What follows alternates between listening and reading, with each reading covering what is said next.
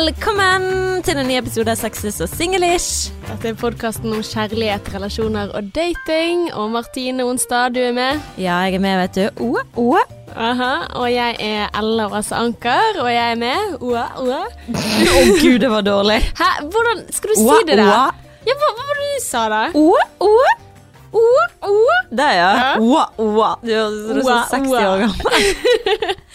Ja, det er lenge siden uh, man, man er ikke så mye sammen med folk, sant. Nei. Det er det det går i. Men du, jeg har jo sånn uh, svak side ved at når du sier 'husk å lese deg opp til dette neste gang', så glemmer jeg det alltid. Mhm. Men jeg gjorde det i hvert fall i går når du begynte med på det, når du sa 'har du lest den?' Jeg var mm, Nei, men da gjorde jeg det med en gang. For i dag skal vi snakke om The Four Horsemen. Oh yes. Å gud, jeg gleder meg til det. Ja, og det er jo da fire kommunikasjonsstiler som en eh, psykolog, Gottman, har eh, funnet gjennom 40 år med forskning på parforhold.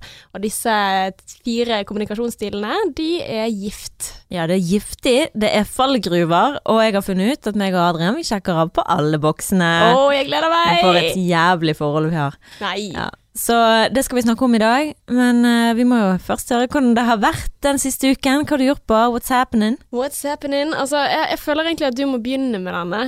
Eh, ja, for nå sa du akkurat sånn Ja, vi har Altså, for før vi, jeg kom i dag, da, så ser jeg at du har laget en uh, Instagram-story hvor du snakker om at uh, forhold er ikke perfekt. Nei. Og det er det ikke. Nei. Men så skulle jeg liksom likevel komme med en sånn historie, da.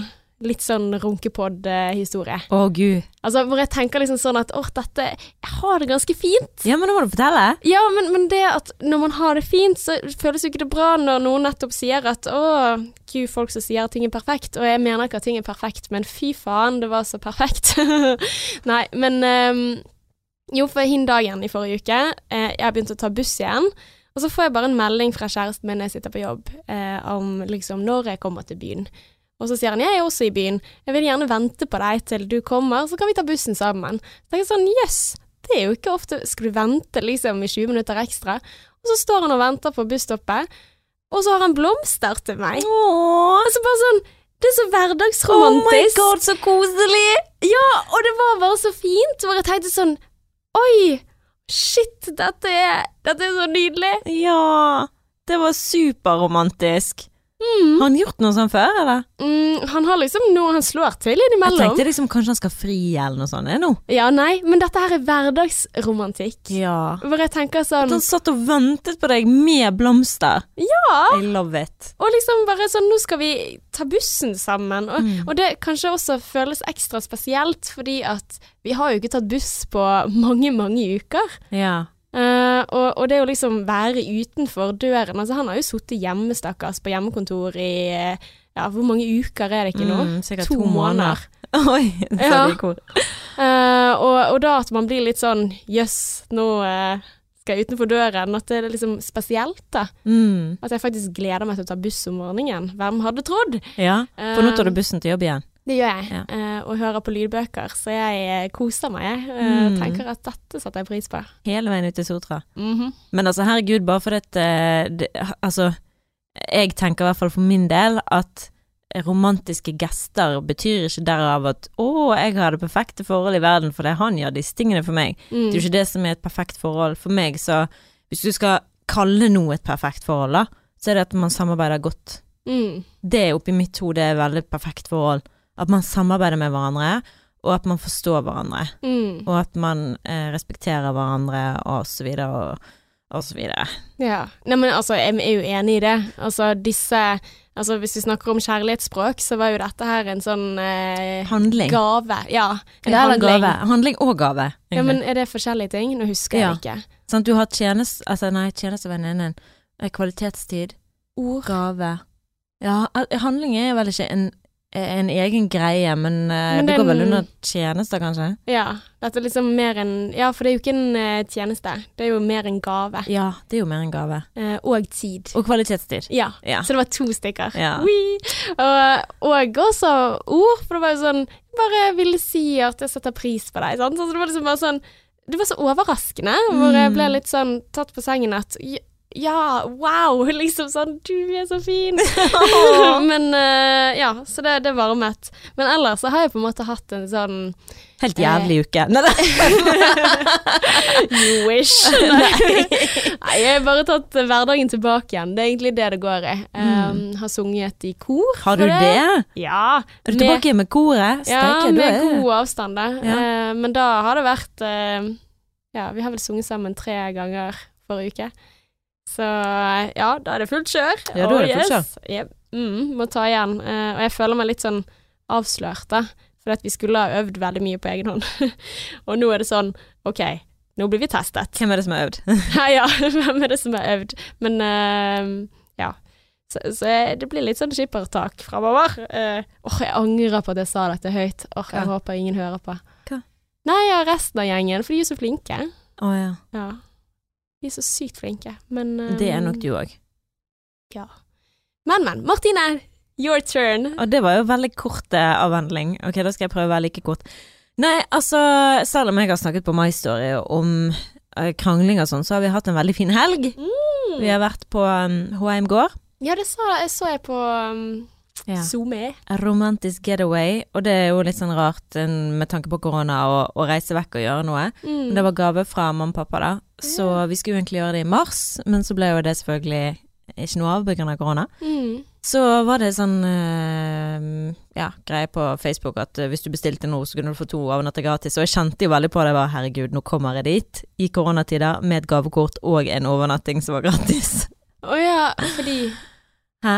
Nei, du fikk, hvis du bestilte noe, det var jo det fordi de ville sikkert ha gjester, sant. Ja, så hvis klart. du bestilte, så fikk du Men hva var det du kjente på? en- Jeg, bare, jeg kjente bare på at uh, uff, jeg kommer med gavekort. Jeg følte liksom eh, det at ikke vi skulle betale for den andre natten, sant. Jeg fikk sånn dårlig samvittighet for det. Ah. Den er jo allerede betalt for, så det er jo greit. Men jeg vet ikke, det var bare en følelse. Det er kanskje litt teit, men jeg bare kjente på det sånn Å, nå kommer jeg med gavekort. Ja. Eh, eh, altså når du vet når du jobber i en butikk og noen kommer med gavekort. Mm. Ja, så det var bare det. Men uh, nei, det var Ja, det er så rart at man føler på. Det er også Ja, på, Ja, for det er jo betalt for, og så føler du på Ja. en måte at du da sluntrer Ja. unna, Ja. eller noe Ja, sånt. gjerrig, og at ikke du Åh. Ja. Mm. Men det er jo veldig bra at dere går ut, og det er jo også Du gir deg gratis reklame, hello. Ja, jeg, prøv, jeg tenkte på det. Nå skal jeg filme masse på Instagram og, og legge ut og tagge de og sånn. Men sånn det så veldig fint ut, da. Og det var så fint. Eh, så nei, ja, vi fikk jo to netter der, da. Og første dagen var kjempefint vær, så da var vi ute og gikk i sånn lite Det var sånn liten fjellgreie bak eh, Bak HM gård. Så vi gikk oppi, og så var det så fine trær, og det var bare helt stille. Sant? Altså, du hører jo alltid litt grann bråk der vi bor, men her var det bare så stille, og vi satt liksom der, og han bare 'Nå skal vi sitte og se på fugler, og nå skal vi sitte her', og dette skal være vår utsiktspost, og følge med på folkene, og være liksom som Vi var akkurat som unger igjen, på en måte. Ah. Og så klatret jeg litt i trær, og så Ja. Klatret i trær? ja. Eh, Hæ? Jeg bare ja, jeg tenkte sånn Å, det er gøy, det er ikke siden jeg var liten. Så jeg Ja. begynte å klatre i trærne og prøvde å komme høyt opp, og så Kom du deg ned igjen? Ja, Adrian. Sant? Han var mitt stativ, så jeg Ja. satt meg på skuldrene hans, og så Ja, han er jo det andre treet. Han er jo det. Ganske høy. Uh, så Du har kalt han et tre før, sant? Jeg har det. For Ja. det men det er fordi han var så jordrett, og han var liksom mer sånn stødig. Mm. Mens jeg var liksom fugl, så bare sånn lalalala, Mens han er sånn Ja, men nå må du, må du jorde deg, Martine. Sånn, Ja. så. For det Ja, jeg må bare liksom eh, finne ut om Var jeg frekk i tankene mine der, eller kommer det fra et sted? Men Ja, jo, det da. fra et sted. Ja, jeg har jo til og med smykke på meg som jeg fikk i gave av han, en blad fordi at jeg Et blad. For jeg kalte han alltid et tre. Så da fikk jeg blad i gave. Eh, men nei, så det var jo uh, ja, god stemning eh, på turen. Mm. Og så satt vi i bil på vei hjem, og det var da jeg liksom tenkte på det her som jeg la ut på Instagram, da, som jeg, hvor jeg skrev litt om og, og har snakket litt om, om forhold, og hvor det liksom Jeg egentlig har lyst til å være den motpolen, da, på det som vi alle sammenligner oss med, som er forhold på Instagram som ikke er ekte. Mm. Sant? Hvor, hvor finnes det noen par som sier at, at de har et perfekt forhold? Mm. Det finnes ikke. Sant? Og det er bare den illusjonen om at det finnes noe bedre der ute, eh, som du ikke har et bevis på engang at det eksisterer. Du bare har fremmede som du ser en liten, en liten, liten, liten del ut av. Og får bare bare, høydepunktene med Ja. blomster på bussen og altså de tingene der. Ja, men det er jo Ja. det du får. Ja. Eh, Du får høydepunktene. Og Mm. jeg har ikke lyst til å være en del av det, så jeg bare kjente på det, og det var det jeg sa på Instagram i dag. Jeg har ikke lyst til å være Hvis noen ser på mitt forhold, eller min profil, og tenker at eh, å, hun har det så perfekt, da har jeg feilet mine følgere. For det, det vil jeg ikke. Det er ikke sannheten, og det har jeg ikke lyst til å sitte der og si heller. mm. Um, så Men det er så vanskelig å ta bilde av det uperfekte. Ja, altså, Altså, man kan jo liksom- ta et Ja, det er jo det. Du kan ikke sitte der og fake liksom, 'Nå er vi sinte på hverandre, her er en illustrasjon av det'. Ja, Men du kan i hvert fall et selfie av at du sitter og gråter. Nei, du, blir ikke, liksom- nei, du trenger jo ikke det heller. Nei. Men så lenge du liksom er litt ærlig, for det er jeg så, Når jeg leser sånne tekster sånn Å, verdens beste, og eh, Ja. Altså, jeg er jo med på den romantiske greien at i mitt hode så er Adrian bare Jeg elsker han, og bare 'Å, du er så god, Mm. du', men jeg Og jeg kan godt si du er verdens beste, men jeg vet jo det ikke er liksom sant, skjønner du? Og på lik linje som at jeg ikke er verdens beste. Men jeg tror også, altså for min del, så er det litt inspirerende det at folk viser positive følelser for hverandre i offentligheten også, da. Mm. Eh, sånn som vi har snakket om tidligere, at jeg kan ha litt sånn her eh, lett for å tenke sånn Sant? Åh, hva Altså vært litt sånn negativ til andre som viser offentlig Ja, stemmer det. affection. Mm. Sant? Altså, eh, nå snakker jeg ikke helt om det vi har snakket om tidligere med tanke på sånn offentlig klining og sånn, men, eh, men det der å være sånn lovey-dovey på, på internett, og det å faktisk at jeg må øve meg på å tåle det, og se at shit, det går an å være så glad i hverandre offentlig, eller at det går an å eh, For jeg, jeg har jo lurt på hva er det det handler om, hvorfor er det sånn at jeg synes at det er kjipt å se på Instagram eller sånt? Altså, som regel så tenker jeg ikke over det, men når jeg har i perioder tenkt sånn øh, så tenker jeg liksom, er det verdt fordi at jeg da har hatt det dårlig i mitt eget forhold på den tiden, Mm. når jeg har reagert på det? Mm. Eller er det ikke sånn? Altså, jeg har ikke peiling, jeg har ikke gått sånn eh, aktivt til verks, verks for å finne ut av det, men jeg tror jo det at det å se at andre setter pris på hverandre, at det kan være også positivt, for da kanskje man kan bli inspirert til å gå hjem og vise at man setter pris på den man bor sammen med. For jeg tror jo at hvis man gjør litt sånn ekstra effort til å si noe fint om kjæresten din, det trenger jo ikke være for hele verden, men det er hvis du ser noen som er flink til det i sosiale medier, så kanskje du blir flink til å gjøre det på privaten, eller Og det som jeg føler er fare for, da, jeg kan bare snakke for meg sjøl, men det som jeg gjør er hvis jeg ser for eksempel en eh, fyr Åh, hva kommer et eksempel, da? Som eh, Ja, som kommer med en kjærlighetserklæring til kjæresten din på sosiale medier. Mm. Bare se, sånn sier han om kjæresten sin. Sånn hadde det vært fint om du sa om meg òg. Mm. Og så kan det jo være sånn tenker alle disse tingene, men han er bare ikke sånn. Mm. Og det er det som vi har snakket om tidligere, om å ville ha i pose og sekk. Du har, eh, jeg har jo en veldig vikingtype, sånn, som ikke er så veldig åpen om følelsene sine. Mm. Og det er bare sånn Jeg blir sånn irritert på meg sjøl òg, da, for jeg har sånn umenneskelig store forventninger og for, de, og for partneren min. Og så klarer jo ikke jeg å leve opp til Jeg ser jo hvordan jeg oppfører meg sjøl. Mm. Hvordan jeg kan være liksom eh, Sånn som det vi skal snakke om i dag, da. Eh, så vi egentlig bare kan gå over til, for det er det jeg kommer til å begynne å snakke om nå uansett. eh, men det der å kritisere partneren, det er kjempedårlig. Men og så er det jo hvordan du blir oppfattet, sånn, hvor jeg tenker ja, men det var ikke kritikk, det var bare en bemerkning. Eh, for eksempel i mm, går, så eh, han, han pleier alltid å sette glasset og ting som han har brukt, da, Mm. oppå benken istedenfor inn i postmaskinen. Ja. Så jeg sa liksom, du kan jo bare sette det inn i oppvaskmaskinen. Åh, så ble han sånn, men selvfølgelig, det er sånn som han sa, hvis du forteller vennene dine om den hendelsen ene og alene, så kommer jo alle til å være enig i deg, og at det var teit av meg, og liksom reagere på det. Men Ja. hvis du hadde fortalt de, og de andre gangene de i løpet av den dagen du hadde kritisert meg på noe annet, eller helheten, eller stemningen, hvor jeg var i stemningen der og da, Mm. så hadde de kanskje forstått meg òg. Men, men dette her, ok, dette her minner dette meg vi Ja, men, ja. men dette minner meg om en ting som hadde skjedd denne uken, da. Mm. Eller mm. for to uker siden, eller noe sånt. Altså den typiske altså, tilbakemeldingen på eh, hvorfor gjorde du det ikke på den måten som jeg synes at jeg skulle gjøre det. Og det var faktisk eh, apropos eh, oppvaskmaskinen. Eh, jeg hadde stått opp om morgenen, det var helg. Hadde ryddet ut av oppvaskmaskinen, hadde begynt å rydde kjøkkenet, og så hadde jeg begynt å tenke litt på hva skal vi spise til middag neste uke. Så jeg hadde sittet i sånn den formiddagen, kanskje en og en halv time, og både liksom ryddet på kjøkkenet og jobbet med dette her, som var et felles prosjekt. OK, vi skal ha gode middager neste uke, vi skal handle, jeg skal skrive handleliste. Mens han satt og spiste frokost og så på TV. Mm. Og så kommer en kommentar, da. Eh, så kommer det en kommentar om at eh, jeg ikke hadde tørket av benken. Og, og jeg kjenner liksom den derre Fy faen i helvete, jeg har gjort Altså, jeg, hva har du gjort, sant? Eh, og, og jeg liksom jeg går rett i forsvar. mhm. Eh, snur problemstillingen. Eh, ja, det er veldig relevant til det vi skal snakke om. Og skal gå, jeg skal gå nøye inn på hva de fire kommunikasjonsstilene er, da. Men, eh, men det som, som skjer da, er jo at jeg blir kjempesint, sant. Fordi at jeg har, har gjort noen ting, og så skal du påpeke noe jeg ikke har gjort. Og, og han sikkert tenker ja, men det tar jo så liten tid. Når du først er i gang, hvorfor gjør du deg ikke ferdig? Og så eh, er det litt sånn hvor jeg kom på at Kjenner dette her ja, men, men det handler om Og, og da, da fikk jeg en sånn aha-opplevelse, da. Dette handler ikke om eh, hvem som gjør hva, eller eh, budsjettet vi har på hvem er det som gjør mest av oss to. Det handler om at vi er forskjellige. Og, og jeg tenkte sånn at jeg er en igangsetter, tenker jeg. Det er en av mine Men ikke en fullfører? Ja!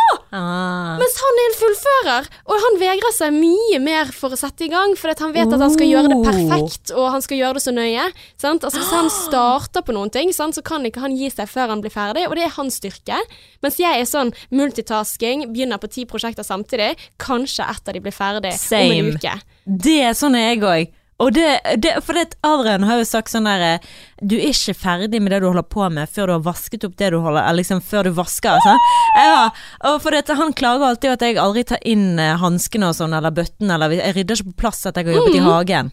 Så han du er ikke ferdig før alt er satt på plass og vasket og gjort og rein. Men jeg er sånn, ja, men jeg, har, ja, men jeg skal ta det seinere. Ja, og så har du begynt Altså, du, du har jo brukt den tiden, sant? Ja. Og, og der er det lett å si sånn her at OK, men jeg jeg har sittet her i en og en halv time. Hvis du irriterer deg over de smulene på benken, så kan jo du gjøre det, da. Som tar deg to minutter, istedenfor å komme med den kommentaren til meg. Og det er jo der vi blir Mm. Men uh, Ja, for det, handler om hvilket språk og kommunikasjon man gir til hverandre. Men hvis jeg ser på dette her som uh, en styrke, og det, det sa jo jeg til han Herregud, har ikke skjønt dette før. Jeg er igangsetteren, du er fullføreren, og dette her gjenspeiler oss i andre ting i livet. Og det er sånn jeg også har tenkt på sånn uh, Gud, dette ødelegger for meg, fordi at jeg har så mange prosjekter samtidig, og alltid føler meg som en failure fordi at jeg ikke fullfører noen ting. Same. Same! Er Ah. det en Ella og Martine-greie, eller en sånn dame-menn-greie? Vet ikke, men det der jeg tenkte jeg faktisk på i dag, når jeg hørte på en podkast. Oh. Uh, ja, jeg hørte på Drømmefanger, faktisk. Ja. Uh, Shout-out til Susann. Eh, hvor hun intervjuet Lykke, og Lykke Kristine Moen, som er en skuespiller. Og da snakket Lykke om det at eh, hun er en som bare må gjøre ferdig Tror jeg det var det hun sa, kan være at jeg eh, husker feil. Men det var, fikk meg i hvert fall til å tenke Noe av det hun sa, fikk meg til å tenke Oi, jeg er veldig sånn at jeg begynner på noe, eh, men jeg, jeg er ikke sånn at jeg ikke Jo, det sa hun. Hun sa jeg gir meg ikke før jeg er Altså før det er Mm. done. Jeg gir meg ikke før jeg har klart det. Jeg var sånn, hm, da- og den, min akilleshæl, er det det heter? Uh. Min sånn mm, ergelse i livet er jo at jeg aldri sitter med det og jobber med boken min. Ja. Sånn, Det er jo en sånn ting som jeg bare har gitt opp på, egentlig. Og det Oh, irriterer shit. meg noe helt inn for jævlig at jeg gjør det, men jeg er litt sånn ja ja, drit i det da, whatever. Jeg, liksom, jeg gir meg, ja. istedenfor å bare jobbe til jeg Men det er jo Men så kommer det an på hvorfor gir man seg. fordi at opp, oppdragelsen min Jeg er litt sånn mer bortskjemt, mens Adrian er jobb, vant til å jobbe hardt for ting. Sant? Og han Mm. jobber, han eh, vokste opp på en gård liksom, med å jobbe på en gård, mens jeg har liksom aldri klippet gresset engang. Sant? Jeg vasket huset, ja, men jeg har ikke, Mm. jeg har ikke den arbeidsmann, jeg har ikke den work ethicen, da. Mm. Hvor jeg, sånn, jeg, ting kommer litt lett til meg. Ja. Syns du det? Ja. At du får ting enkelt, på en måte? Ja. Altså, ja. At, men det er mer sånn at jeg setter i gang ting, og så får jeg muligheter gjennom de tingene jeg setter i gang. ja. Så hvis det er mye som skjer rundt meg, eksempel, hvis jeg er på, har et foredrag der og har mye som Da får jeg plutselig enda mer. Ja, shit. Mens når det ikke skjer noe, sånn som nå, så er det helt stille rundt meg. Så det er akkurat som om hvis jeg begynner på et eller annet, la oss si jeg Mm. begynner på et puslespill, så er det noe annet som kommer, og så er det det, så er det det, så er det det. Mm. Men nå når jeg ikke gjør noe, så er det akkurat som det er helt dødt. Da er det ingenting som foregår i livet mitt, på en måte. Men vet du hva, en av de tingene som jeg brukte som et sånt ja, men eller det er ikke så gale, det er denne podkasten. Og ja. hvordan det? Nei, Fordi at jeg tenkte at jeg, jeg tenkte jo å lage podkast i Ja. godt over Altså i flere år. Før det skjedde. før det skjedde. Og jeg møtte deg. Eh, første gang jeg møtte deg, så var det sånn etter ti minutter, så sier du 'vi skal ikke bare starte podkast', da. og så tenkte jeg sånn, hva skal den handle om? Jo, den skal handle om kjærlighet, sier du. Og så var det sånn at jeg tenkte sånn Ok, her har vi en som bare får ting til å skje.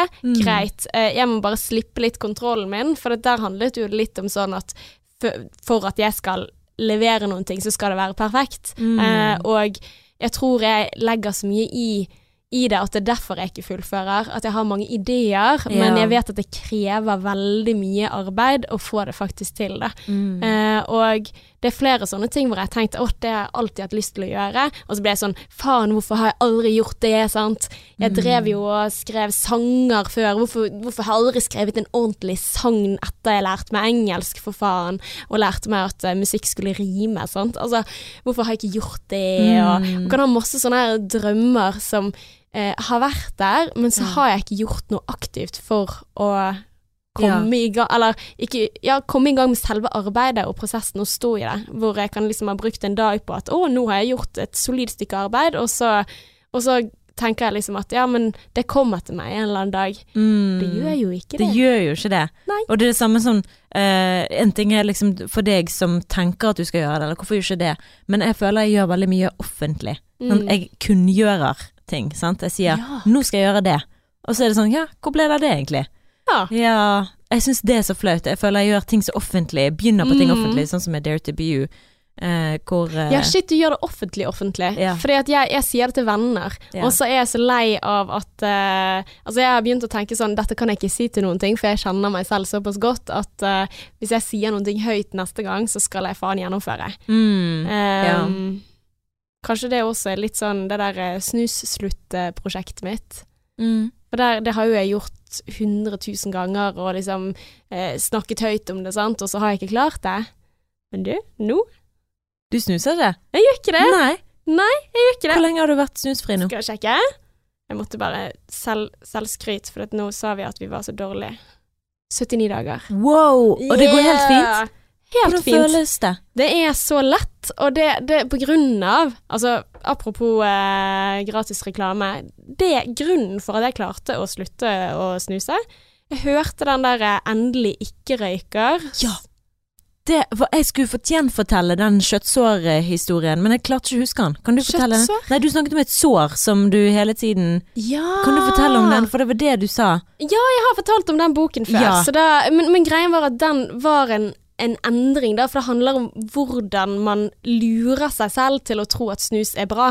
Ja. Eh, og det har jeg aldri lagt fra meg ved at jeg har sluttet tidligere. Eh, så det han snakker om da, er eksempel at se for deg at du har et sår. Som eh, Ja, det klør, og det er infisert, og det er skikkelig dritt, og så får du en salve. Og så hjelper det. Eh, og etter hvert så trenger du mer av den salven for at det skal eh, ja, leges, da, på en måte. Så du tar mer og mer på, og du blir avhengig av salven. Og så går du til legen og tenker jeg må ha mer av denne salven. Eh, og så får du vite at det er salven som gjør at du fortsetter å ha såret. Mm. Så det handler om at eh, Og det samme er det med snus og abstinenser. At eh, det er nikotinmonsteret som skaper den «Wæ, wæ, 'du trenger meg, du trenger meg'. Og så er det det at du må slutte å mate eh, nikotinmonsteret. Og i løpet av ja, en uke så har ikke det noe mer næring igjen. Da vil det dø. Men det som sitter igjen da, er hjernevaskingen. Oh. Og det er den der tanken om at eh, å, det er så godt, og det hadde vært så bra, det hadde vært så avslappende hvis jeg bare skulle tatt en snus nå. Eh, og den ideen om det faktisk gjør noe godt for deg, at jeg trenger det for å slappe av, og det er bullshit. Mm. Bullshit! Ja, det er jo all in the head, sant? Og jeg har ikke brukt noen ting, og, og det som er det verste, da, som, som han mener, og jeg er helt enig, det som har fått meg til å fortsette videre, er fordi at hjernevaskingen fortsatt har vært der. Mm. Jeg trodde jeg trengte tyggis og pastiller tilgjengelig og sånne ting, som igjen sier at jeg trenger noen ting for å eh, ikke ha snusen. Så det jeg liksom endret mindsettet, var at jeg begynte å synes synd på alle som tok seg en røyk og en snus. Noe som jeg tidligere ville tenkt sånn åh, jeg skulle ønske jeg var deg. Mm. Men da tenkte jeg sånn stakkars deg, du har ikke skjønt det ennå. Åh. Sant? Du tilfører kroppen din gift. Uh. Oh. Det er ganske sykt at vi gjør det. ja, det er det. Uh. Og, det. og det er derfor folk ble avhengig i utgangspunktet. For det smakte så drit første gang du eh, tok en. Mm. Tenker du, dette blir jeg ikke avhengig av. Mm. Sant? No, preach. Og så fortsetter man. Ja. Men uh, den går an å, å relatere til andre ting, altså andre usunne ting vi, vi gjør. Eh, Avhengighet generelt, Ja, og det er jo så mange ting som, altså for all del, um, hadde det vært lett å endre seg, sant? hadde det vært lett å ta de gode, sunne valgene, så hadde man gjort det. Ja. Og jeg tenker jo at ja, jeg hadde jo sikkert vært mer opplagt hvis jeg hadde lagt meg tidligere og fått mer søvn og spist mindre godteri og drukket mindre rødvin. Men så er det sånn, er det verdt det? Nei, jeg liker de tingene da, sant? Det er Mm. ikke vits i Altså, det kommer an på motivasjonen, da. Eh, men jeg fikk motivasjon gjennom that book. Mm. Men hvor var vi egentlig på det vi egentlig snakket om? Men nå tenker jeg at nå skal vi over til dagens topic! Ok, Martine. Nå er vi i gang. The Four Horsemen, godt oh. menn, eh, som eh, sammen med koden har sin egen kjærlighetslab. De har forsket på par i eh, 40 år, og han mener, nå har jeg sagt denne setningen mange ganger i tidligere episoder, men han mener at basert på kommunikasjonsstilene til parene, så kan han da predikere, altså sånn eh, spå, eller ja, se fram i framtiden. Jeg har ikke et godt eh, ord, han spår ikke, men basert på analysene sine, så kan Kan han han si forutse? Ja, forutsett. Thank you. Uh, med 90% sikkerhet om hvilke par som kommer til å skille seg. Ja, Adrian, meg og Adrian, vi hadde fått sånne stryk. Dere burde ikke være sammen. ja, det er ikke kødd engang. Mm, men greien er at uh, altså, For at de mener jo at selv om man krangler mye, for vi snakker jo mye om krangling i poden, Ja. eh, så er det ikke det som har noen ting å si. Nei, det er hvordan man løser det etterpå. Og det som jeg har snakket med mamma før, var meg og mamma og Ingrid var på tur i dag. Vi går på å ha sånn mandagstradisjon. Mm. Og da sa jeg det at eh, hadde det ikke vært for selvinnsikten til meg og Adrian, så hadde jeg tenkt vi var fucked. Mm. For vi klarer liksom å se innover, vi klarer å se, vet du hva, der gjorde jeg en stor feil, og Mm. dette, dette, jeg tror jeg gjør dette av det og det, sant. Jeg tror, altså du har den innsikten i deg Mm. sjøl, og hvor du kommer fra, hva er det som gjør at du har det mønsteret, hvorfor reagerer du på den måten når noen er sånn mot deg, sant. Så, um, Så dere er bevisst på, og det er jo en av de tingene, det å være bevisst på hvilken kommunikasjonsstil man har, Mm. og prøve å endre på det, da. Nå snakket vi jo litt om endring i sted, men, eh, men det For jeg, jeg har jo eh, hørt på den boken eh, som han snakker om disse fire kommunikasjonsstilene, eller Four Horsemen. Og da er det på en måte sånn som går igjen, det handler ikke om hva du krangler om, det handler ikke om hvor ofte du krangler, men det handler om måten man krangler på. måten man snakker til hverandre. Ja Mm. som er disse fire. Så jeg tenkte bare veldig kjapt om jeg skulle liksom introdusere de alle fire, så kan Ja. vi ta og stoppe opp med hver enkelt. Nummer én kritikk. Og det handler da om eh, å kritisere den andre eh, basert på personlighet, altså litt sånn du du gjør alltid dette galt, eller du er alltid sånn. Men i min erfaring så kan den andre personen oppfatte kritikk når du tenker ja, men det var jo bare en tilbakemelding. Det var jo bare en Mm. observasjon av det du nettopp gjorde. Ja, så når vi går inn på den, så må vi da finne ut hva er forskjell på kritikk og tilbakemelding. Og eh, det er et klart skille der, så Mm. let's go into it. Eh, og så er det nummer to, som er den giftigste av de alle, mener han, og det er forakt. Det vil si en måte å liksom heve seg over den andre på, ved å eksempel rulle med øynene, eller himle med øynene, eller kalle den andre stygge ting. Altså Idiot. ja, for eksempel Ja, navn, jeg eh, navngivning, eh, eller eh, gjøre narr av den andre, være sarkastisk Ja, og det gjør liksom jeg hele tiden. Ja. Bare sånn jeg er. men, men igjen, altså, stygge kommentarer. Hva som oppleves så stygt, det, det, det kommer jo an på, sant? Det er jo Ja. Men ok, og så har vi også den eh, nummer tre, som er egentlig et resultat av nummer én, altså av kritikken, og det er forsvar. Altså at man går, Åh, i, går i forsvar. Ja, men du da? Mm. Og der også snu argumentet 'hva med deg'? Ja. Eller at man spiller offer, Ja. uten å ta ansvar Oh for my god, eh, hva har jeg gjort for å fortjene dette? Ja. Du skal alltid klage på meg, Ja. og du skal alltid Som Hvorfor gjør du dette mot meg? Og det jeg pleier å si, det er sånn, du forstår meg ikke. Ja. Det er sånn, Da vet jeg at da treffer jeg midt inn i nervepunktet på han. Mm. Så hvis han kommer med et eller annet kritikk til meg, så er det bare sånn, du forstår meg rett og slett ikke. Det er Mm. det som er greien her nå. Du har ikke forstått meg. Ja, Det er sånn, du har feilet som kjæreste, din jævla dritt. Ja, så det som egentlig er et forsvar, er egentlig et sånt skjult angrep. Ja. På en måte at du går tilbake igjen. Jeg er så slem. Og nummer fire er stonewalling. Ja. Som eh, er på en måte en form for ignorering uten å løse noen ting. Det er jo bare stenge den andre ute. Mm. Um, som eh, jeg, jeg kan huske når jeg begynte å lese psykologi på universitetet, så tror jeg det var en foreleser som snakket om dette her som sosial tortur. Oh, ja. Og det er litt sånn som Straffe noen andre, på en måte. Ja, eller at det var liksom noe av det verste du kan gjøre mot et annet menneske. Da. Å, det er å stenge de av, eh, bare liksom Ja, det der å ikke få en reaksjon hos den andre, da. At det er en sånn form for eh, sosial tortur. Og, og det er litt sånn som, som jeg kan kjenne Altså, det, det er noen ting jeg reagerer veldig, veldig sterkt på hvis jeg ikke får en reaksjon av den andre.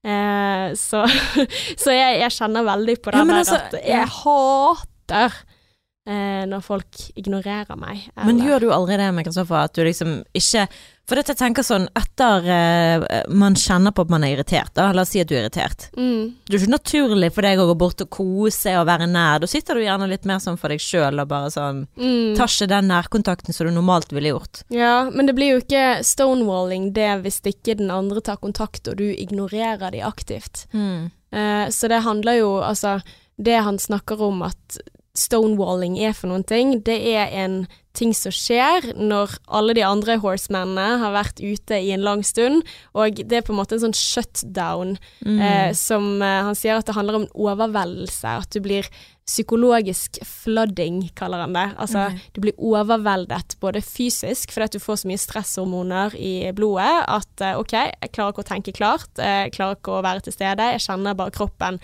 eh, går i eh, fight, flight, freeze. Eh, går virkelig i kampmodus, eller bare jeg må stikke unna her, jeg orker ikke mer, eller du klarer ikke å være til stede rent fysisk og psykologisk, hvor man ja, tenker ikke klart, får ikke tilgang til eh, problemløsning i det hele tatt, det er bare boff. Mm. Eh, og da er jo ikke nødvendigvis den som driver med det, som er den terroristen som jeg fikk inntrykk av når jeg satt på forelesning og hørte at dette var sosial terror. For da tenkte jeg liksom at det er et aktivt valg, men her Gottmann snakker om det som en mer sånn shutdown, da. Eh, som handler om at hvis du for eksempel da går inn i en krangel, og dette blir så sinnssykt overveldende, eller den andre kritiserer deg, sant, og så går du til forsvar, og så er det fram og tilbake, og så er det bare sånn ah, orker ikke, og mener liksom at dette her har gått over tid, da. Mm. Og det kan jo godt hende, og det jeg kan kjenne igjen fra dette, er jo det at um, jeg er nok flinkere til å angripe enn altså eh, enn jeg blir overveldet av den andre. Selvfølgelig har dette garantert skjedd uten at jeg er så veldig klar over det, men, men jeg tror liksom mm, Åh, nå mistet jeg hva jeg skulle si. Hva var det jeg sa? At du er mer angriperen, og at du Ja, og at den andre shutter down. Nei, jeg, jeg falt ut. Jeg kommer til å fortelle mer om dette når jeg Ja. kommer på det. havner inn i flyten igjen. Mm. Men skal vi da ta ett punkt om gangen, da, og så gå inn på de? Ja, hvis vi var litt uh, Hvor er det du kjenner deg mest igjen da, Martine? Nei, alle. Vi kan bare begynne på nummer én, liksom. På kritikk. kritikk. Ja. ja. Kjempeflink til det å kritisere. Sånn uh, gjorde jo det i går med at eh, Og det er det jeg mener med en opplevelse av kritikk, og hvor jeg føler jeg bare Men jeg må jo kunne lufte hva jeg tenker. Det er ikke sånn at jeg har lyst til at du skal føle deg kritisert. Mm. Sånn som hvis jeg eksempel har lyst til at han skal ehm, fortelle mer hva han føler.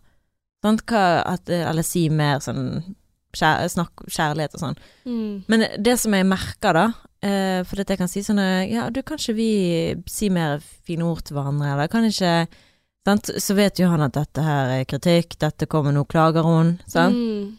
Så du kommer ikke noe vei utenom det. Men det som jeg merker sånn som nå eh, de siste dagene, så har jeg naturlig sagt mye mer 'elsker deg' sånn tre ganger dagen, sant? fordi vi har hatt det fint, og jeg har bare kjent liksom 'jeg elsker deg, jeg elsker deg'. Og så har jeg da eh, flere av de gangene fått 'elsker deg' tilbake. Selv om Ja. han ikke Og da er det sånn, gud, da fikk jeg meg til å tenke bare det du gir er virkelig det du får. Mm. Sånn, Så hvis du er veldig sånn som jeg gjør, kritiserer mye, eller kommer med kommentarer, og det er liksom åh, Det er egentlig så unødvendig, og jeg, jeg kjenner jo sånn som jeg sa til han, jeg sa faktisk til han i dag, eller var det i går, sa jeg vet du hva, hvis du hadde forlatt meg, hvis du hadde gjort det slutt med meg, så hadde jeg forstått deg. Og det handler ikke om at jeg ikke liker meg sjøl, eller syns jeg er et dårlig menneske, men den opplevelsen som du har av meg, den skjønner jeg at ikke du gidder å være med. Så hvis du velger å forlate meg for du opplever at jeg kritiserer deg mye, da Jeg sa jo ikke det, var ikke det at han var snakket om å forlate meg, men jeg bare fikk sånn følelse, da. At jeg sånn hm, Hvis du opplever at jeg kritiserer deg mye, jeg ikke For jeg har ikke lyst til å være en sånn kjæreste, og du har ikke lyst til å ha en sånn kjæreste. Mm. Hvis den opplevelsen av meg er det så han bare, ja, men herregud, Martine, det er nå virkelig ikke så svart-hvitt, du hadde ikke vært der. Mm. Det er jo eh, mye mer med deg enn eh, kritikken, liksom. Men jeg bare kjente det at, vet du hva, Eh, det er ikke lett. Det er ikke det, og det er ikke lett å forstå hverandre, det er ikke lett å vite hvordan skal I hvert fall hvis man føler seg litt sånn Ja, jeg har jo sagt flere ganger at jeg er kravstor, sant, at jeg forventer veldig mye. Og det er sosiale medier en stor grunn til at jeg er så mindfucked som jeg er, sant, at jeg vil at sånn skal det være, sånn er kjærlighet. Og så er det jo òg sikkert oppdragelsen min at jeg tenker at eh, ord og nærhet er kjærlighet. For det er det mamma har gitt meg, sant. Mm. Mens jeg tenker at hvis en person er litt sånn lukket, da elsker de deg ikke, sant, for det er jeg opplevd hos min far. Så da ikke, selv om han elsker meg, så har ikke jeg følt det, da. Mm. Sånn at jeg på en måte veldig tydelig har en oppfattelse av hva kjærlighet er, og hva som ikke er det. Og så måler man etter den målestokken, og ikke etter hva er det som faktisk er der. Ja.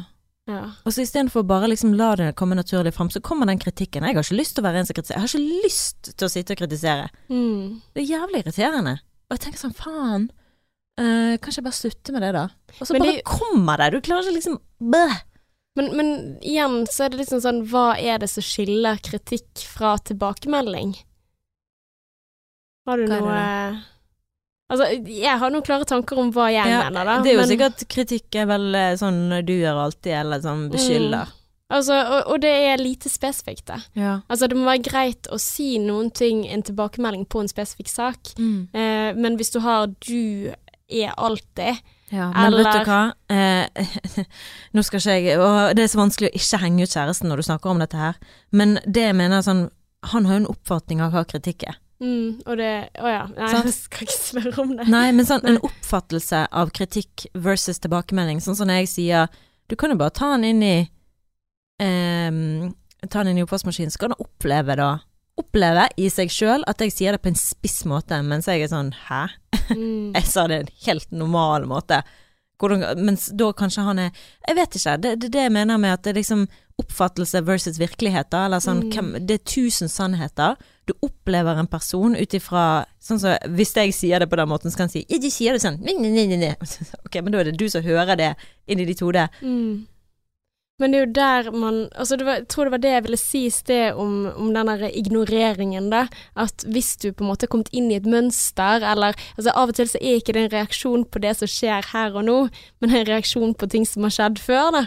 Mm. Og hvis du da har med deg den historien om at ok, nå er vi inne i en sånn eh, litt sånn eh, mørk dal, da, sånn som for min del, med ignorering, at det er faser det skal mindre til for å bli eh, psykologisk og fysisk overveldet eh, av den andre, og lettere å tolke det som et angrep. Og det, det tror jeg også gjelder på kritikken, da, at eh, du kan tåle ganske mye hvis man f.eks. har hatt det veldig bra over tid. Mm. Men i, men i andre faser så er det på en måte Nå har det vært så mye, og det at du tar det opp, så er det sånn Vil du krangle? Mm. Eh, hva er det du ypper til, liksom? Mm. Eh, så det er litt sånn Ja. Jeg føler akkurat nå eh, så er ikke vi så veldig i den der kritikken, men det, siden jeg oppdaget det der at oi, shit, det her er det personlige Mm. forskjeller, da. Du er en Å ja, det er ikke rart at du ikke setter i gang og bare gjør det, for du, du klarer ikke å bare begynne. Men jeg kan ta halve oppvaskmaskinen, sant, uten å gjøre den ferdig, og jeg kan jo skjønne at det kan være irriterende på et eller annet vis. Men sant, ja, men hvorfor kan ikke vi bare let it go og bare ta ut av resten? Men jeg vet jo sjøl at jeg hadde irritert meg over det, men jeg kunne ønske jeg ikke gjorde det. Mm. Så, men, men forskjellen på Altså, der de skiller deg, er jo på en måte spesifikk tilbakemelding, eh, generell kritikk. du gjør alltid, og at en løsning er å, å fokusere mer på at eh, når dette skjer, så opplever jeg, så føler jeg at du fokuserer på, på din egen ehm, Ja, sånn, følelse. Ja, men det er så irriterende at du skal tråkke på tærne rundt kjæresten din på den måten der. Ja, men føler du det? Altså, for jeg hadde en gang, uh, da, for eksempel da jeg fortalte om dette her med økonomidiskusjon, da. Ja. Da hadde jeg en sånn lapp uh, jeg hadde på um, eh, jeg, jeg, er sånn type som skriver notater på mobilen. Ja. Når jeg liksom kommer på at dette var lurt. Og så hadde jeg en notat der, for jeg skulle gå inn og skrive Snakk om dramatisk. Men liksom skrive hvordan er det jeg føler nå, for å på en måte prøve å reflektere over meg selv. Og så åpnet jeg en tidligere notatlapp jeg hadde skrevet, og da sto det bare 'Hvordan er det du selv bidrar til problemet'? Mm. Bare den lappen. Og så tenkte jeg liksom sånn Og dette her dette burde jeg hatt på T-skjorten, liksom. Jeg burde hatt i pannen, eller et eller annet sted hvor jeg kunne liksom sett det lett tilgjengelig. For det er jo der jeg tenker med kritikken, at man må se Jeg kan ikke gjøre ting med hvordan den andre reagerer eller tar ting eller noe sånt, men hvordan var det jeg bidro til dette her, istedenfor å gå på den derre du er ba, ba, ba, ba, ba, ba, ba. Mm. Så er det på en måte Jo, man må anerkjenne, jeg har faktisk et ansvar her. Mm. Jeg er nødt til å Ja. Så Men ja, det var ikke helt sånn å skille kritikk fra tilbakemelding, da. Men jeg tror det er spesifikk versus generell, da. Mm. Og også det å ikke eskalere det ved å gå i forsvar. Mm. Og så er det veldig lett å dra opp eh, tidligere, sant. Sånn og sånn gjør du, sånn og sånn og sånn. Mm. Ja, husker du ikke den gangen du gjorde da-di, Ja. da? Uff. Ja. Nei, eh, jeg Men vi gjør jo det alle, da. Ja. Innimellom. Men det er jo veldig sånn åh, Ja, det er jo vanskelig å vite, sant. Eh, hvordan Altså, for det Hvor mye er din skyld? Hvor mye er det din skyld? Eller, og hvordan er mye er det den andre sin skyld? Og hvor mye er det dere to sammen? Mm. Det er kjempevanskelig å vite om det er eh, sånn jeg kommer til å være med alle, eh, eller om det er sånn jeg bare eh, er med han. Eh, At vi trigger hverandre, skjønner du? At, Mm. vi har, at vi har en tendens til å trigge hverandres greier. Men føler du at det å liksom tenke over hvordan man snakker sammen, er å gå på tå? Hva mener du? Nei, altså, du sa liksom at hvis du da for eksempel ikke skal altså, Ja, at du skal si sånn 'jeg føler', så må du gå på tær og sånn, sant? ja men men føler jeg- du at det er å gå på tær? Ja, for, jeg- for, ja, jeg gjør det, for at, eh, det er sånn ok, jeg må tenke over hvordan jeg sier ting, og jeg er jo veldig spiss. Og det er Mm. sånn, jeg sa det til mamma i dag, jeg bare, jeg er jo forferdelig direkte og veldig spiss. Hun bare, ja du er det, du kan godt Mm. bli ganske mildere, faktisk. Og mamma sier du har kjærlighet da, så det, det går helt fint, jeg blir ikke fornærmet. Nei, så jeg bare, ja du har helt rett, jeg kan godt bli mykere. Ja. For jeg er veldig sånn spiss og veldig lett å gå i forsvar, veldig lett eh, for å gå i angrep. Mm. Jeg er bare en liten sånn kriger inni meg da, mm. på godt og vondt. Så ja, jeg føler at hvis jeg er nødt til å si sånn eh, Kjære, du kan ikke ta så vennligst kanskje neste gang. Så Men føler jeg liksom blir så det en- jævlig fake. Men ja, men der når du gjør det på den måten, så Ja, ser jeg jo jeg himler jo på øynene Ja, sånn annethvert jeg eh, tror ikke et sekund. sekund på det du Nei. sier. Uh, men igjen så tror jeg også at du tar masse ansvar, da. Og det at du sier at du er opps oppmerksom på hvordan dette er, og i, kanskje ikke i kampens hete, men etterpå kan ta en del av ansvaret i hvorfor ble denne situasjonen så kjip som den ble. Ja, men jeg har ikke lyst til at den situasjonen skal være der i det hele tatt. Ja. Og det er det som er med forhold, da. At de, de dukker jo opp. Ja. Jeg, jeg kan godt være sammen med en fyr som bøyer seg for alt jeg sier, men det har jeg jo ikke lyst til. Hvordan skal jeg utvikle meg som menneske da, hvis jeg skal ha en person som bare sånn Ok, Martine. Ok, Queen Marty. Men det handler jo om hvordan, hvordan sier man Altså hvordan gir man tilbakemelding på det du syns er drit, da. Altså man må jo Altså det handler jo ikke om å gå på tå. 'Å nei, jeg kan ikke nevne 'Å nei, jeg kan ikke' Da blir det sånn som hun der i parterapi. Hun der eh, 'Nei, jeg vil ikke ska skape en krangel nå. Nei, nei, nei, nei'. nei. Mm. Eh, eh, den der Ja, men, eh, ja, sant? Nei, jeg, jeg, jeg, men, men, det er jo det verste av alt. jeg begynte jo å snakke om det vaskedamegreiene med Adrian, og da angret jeg sånn 30 sekunder inn i samtalen. Nei, om vi skal ha vaskedame hjemme. Ja. Og da syntes han det var helt idiotisk, sant, og uttrykte det veldig sterkt. med tanke på at jeg var 75 permittert og har all verdens tid til å vaske hjemme, og nå skal jeg ha vaskedame, når vi i tillegg burde bruke de pengene på noen andre fornuftige ting enn en vaskedame. Ja. Sånn, så jeg tente jo alle hans plugger, og jeg bare sånn Jeg angrer på at jeg tok dette opp. Eh, det, det sånn, da har jeg bare lyst til å bare sjekke ut. Ok, jeg går der, jeg. Jeg orker ikke. Og sitte ja. det, det driter i at jeg sa det. Nei, men la oss snakke om dette. Så sånn Å, herregud. Sant? Sånn er jeg. ja. Så jeg blir litt sånn Da mister du meg, ass. Men eh, ja. Ok, ja, for der men, men der handler det også om kanskje forsvaret til kritikken, altså den andre horseman, da, forsvar. Eh, hvordan, hvordan reagerer man? Var det nummer to? Eh, ja, eller det er nummer tre, men det har vel ikke noe å nei. si hvilken som er hva.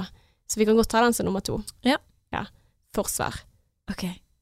Så eh, den, altså av alle disse, så føler jeg at det er den jeg er flinkest til. Hvordan det?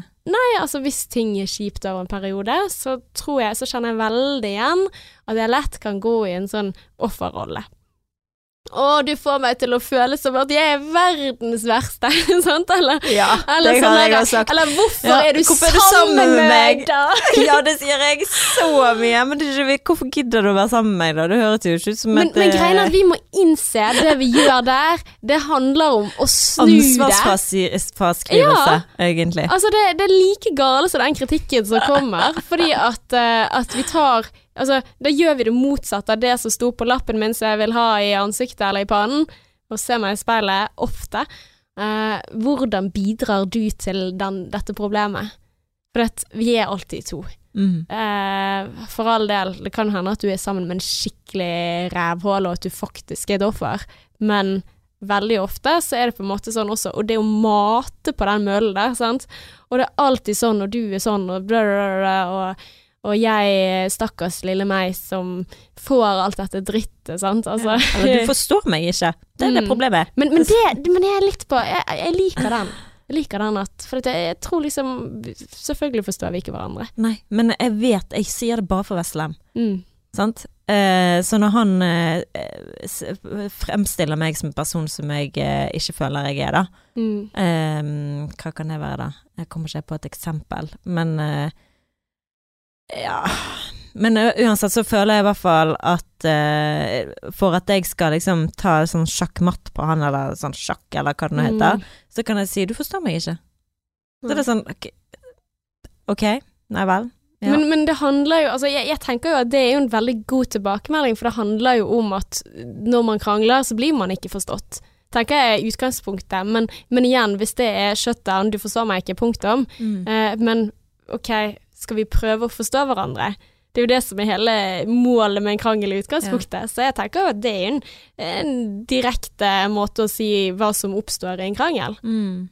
Jeg tror det Altså, og debatter, ikke minst. Tror du at uh, ytre Frp forstår uh, Rødt? Altså, jeg tror veldig ofte at i ikke Kanskje ikke offentlig, i hvert fall, men Ja, men altså, men det handler jo ofte når det kommer en Altså, altså konflikt i utgangspunktet, så, så tror jo jeg at uh, at man ikke helt forstår, og veldig ofte så kan man si at 'å, jeg forstår', men jeg har ikke peiling. Men hvordan skal man lære å forstå hverandre? For jeg ser par som har vært sammen i mange år, mange, mange, Mm. typ 20-40-30 år, og fremdeles ikke forstår hverandre. Og jeg tenker at forstå hverandre har jo mye med åpenhet å gjøre, det har med Mm. selvinnsikt å gjøre. Og jeg ser par som kan ha vært sammen i lang tid, og fremdeles bruke den angrep-forsvar, angrep-forsvar, forsvar, forsvar, eh, offerrolle, og bare sånn masse sånn her eh, tullgreier fordi man ikke har lyst til å se innover, eller ikke Mm. evner å se innover. Som er grunnen til at folk sier 'finn deg sjøl før du finner en annen', for de gjør det så mye lettere for deg. Mm. De gjør det lettere for deg å velge en partner, fordi at du velger liksom ut ifra hva som er best for deg, og ikke ut ifra traumene dine som liten, Mm. og hva du er nødt til å fikse opp i. Um, men òg fordi at i en diskusjon så har du nødt til å se hva, sånn som du sier, hva, hvordan har jeg bidratt til dette? mm. Men jeg føler at altså, dette her er noen ting jeg har lært selv om jeg har vært i forhold. Ja da, Så, så jeg tenker er liksom jo- at uh, Ja, jeg ser det. Han du er eh, òg veldig nysgjerrig da, på liksom eh, psykologi, altså hvordan Ja. mennesker fungerer og Ja, og er nødt til å ta tak. Det på en eller er ikke måte. alle som gjør det. Men, uh, men han nevnte faktisk uh, Altså, Gottman Jeg gikk inn på siden deres, og så delte han da uh, forhold inn i tre faser. Og da har du den der eh, kjemifasen i forelskelsen, eh, innledningsfasen, og store problemet i den fasen er jo det at du kan være så forelsket at du overser varseltrekanter, altså Mm. eh, red flags all the way, men du Been ser there. det ikke. Men fase nummer to, det er den derre kan jeg stole på deg-fasen. Mm. Altså trust face. Og han sier. Ja, men han sier at denne her fasen du eh, krangler mest. Mm. Den der hvor man skal liksom gjøre avklart hvor mye tåler du av meg, Mm. eh, hvordan skal vi bli forstått, og så har man den der eh, commitment-facen. Eh, Feisen, fasen. Fasen. Eh, feisen. Eh, men oh. Forpliktelsesfasen. Ja, thank you. Eh, som, som handler om litt sånn å velge hverandre, da. Og det store ulempen i den fasen er jo hvis man sammenligner seg med andre. Mm. eh, setter kjæresten sin opp mot alle potensielle andre partnere og tenker 'hvordan er du egentlig?' Men der er jo ikke Ja, har jeg valgt riktig? Mm. Kan jeg slå meg til ro med dette her? Mm. Um, så jeg, jeg tror jo at jeg har befunnet meg i både fase to og tre i mange år. Altså det kanskje nå først siste året når vi kjøpte leilighet hvor jeg tenkte sånn OK, det er meg og deg. Mm. Sånn på ekte, liksom. Mm. Selv om vi har bodd sammen og vi har eh, ja, levd hele Men så men da følte jeg liksom OK, vi velger aktivt hverandre, da. Um, så, så jeg føler jo at den eh, stole på-fasen, altså den, den vil jo utfordre innimellom uansett hvor lenge man har vært sammen. Da. Mm. Men det er det Ja. som jeg ikke Når skal man komme til det der eh, at man forstår hverandre, da? Forstår du kjæresten din? Mm, eh, ganske godt. Men selvfølgelig ikke hele tiden. Og så tror jeg også at det er farlig å tenke at man skal 100% forstå den andre hele tiden. Ja. Og det er også eh, Jeg tror ikke jeg forstår noen, jeg. Nei, altså det er jo det, du må jo forstå deg sjøl for å forstå en annen. Ja, men forstå Men hva betyr det å forstå? Forstå hvor du kommer fra. Hva Ja. er grunnen til at du eh, reagerer på denne måten? Hva er grunnen til at jeg hopper på med en gang ehm, eh, hvis han sier noe kritikk mot meg? Mm. Men Hvorfor tåler du så dårlig kritikk, eller hva er det som gjør med Alle tåler jo dårlig kritikk, men hva er det som gjør at du reagerer på den måten når du får kritikk? Mm. Men jeg tror på en måte at det er så komplekst, da.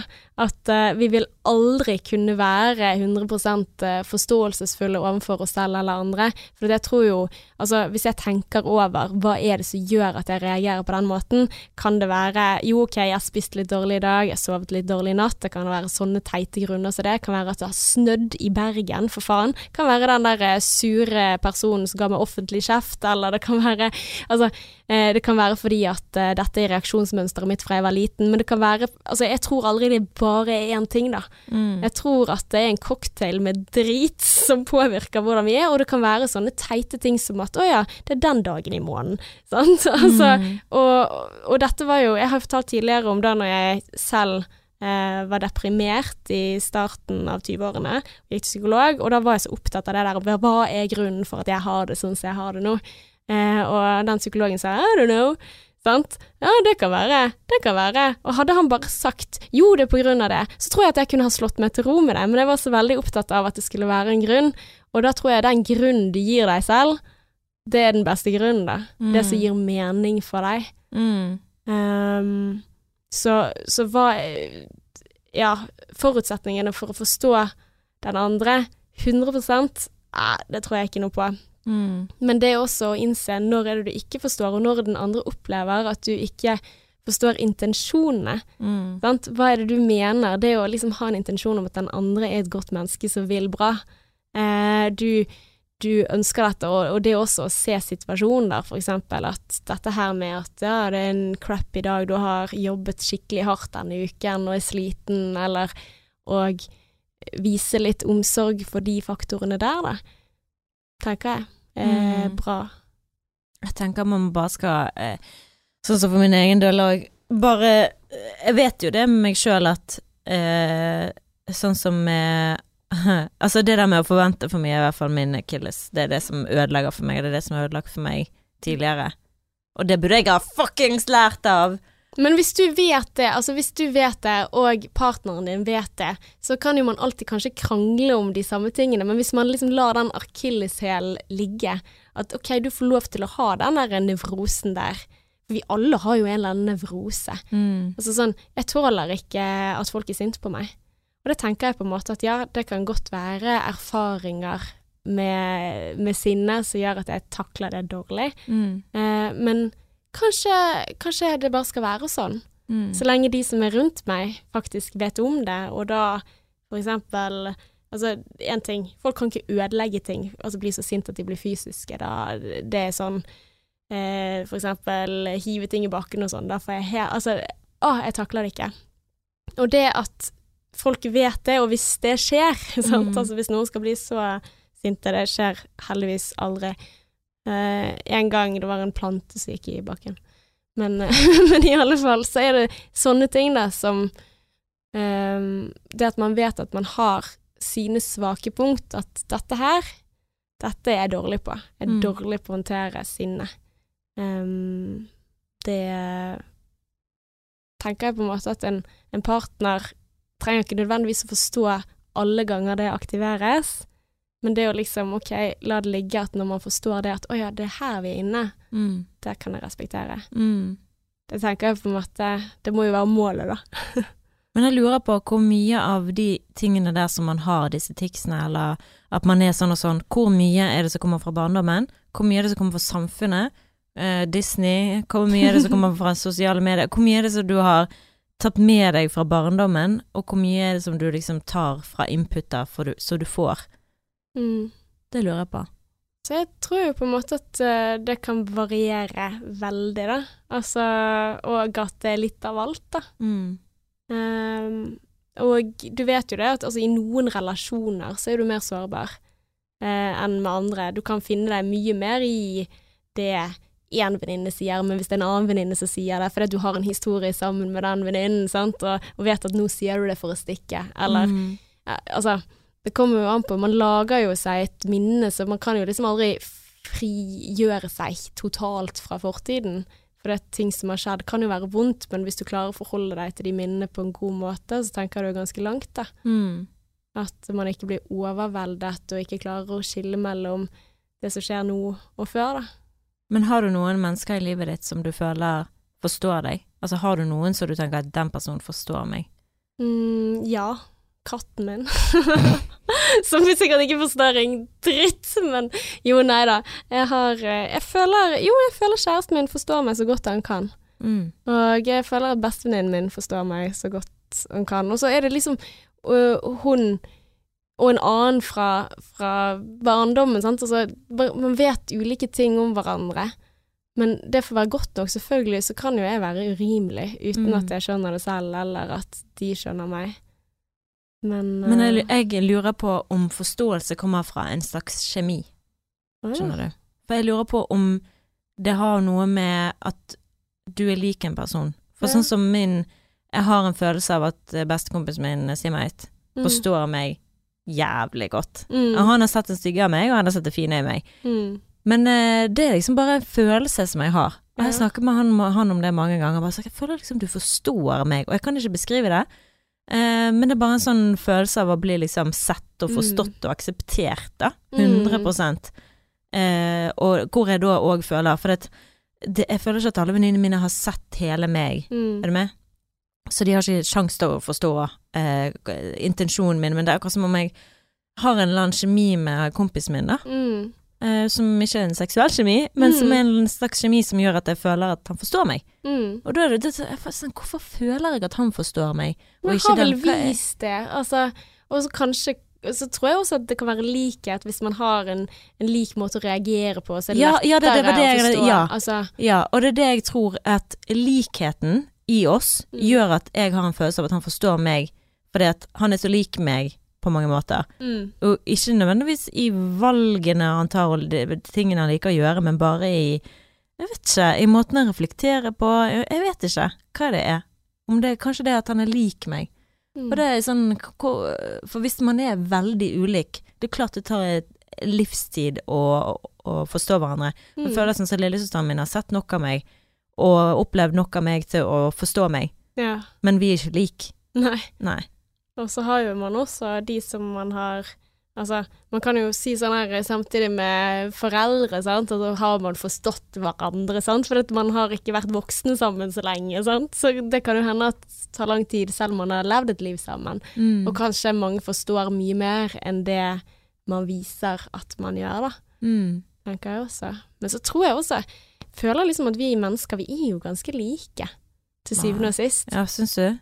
Ja, eller vi har jo samme behov, vi ønsker som regel de samme tingene.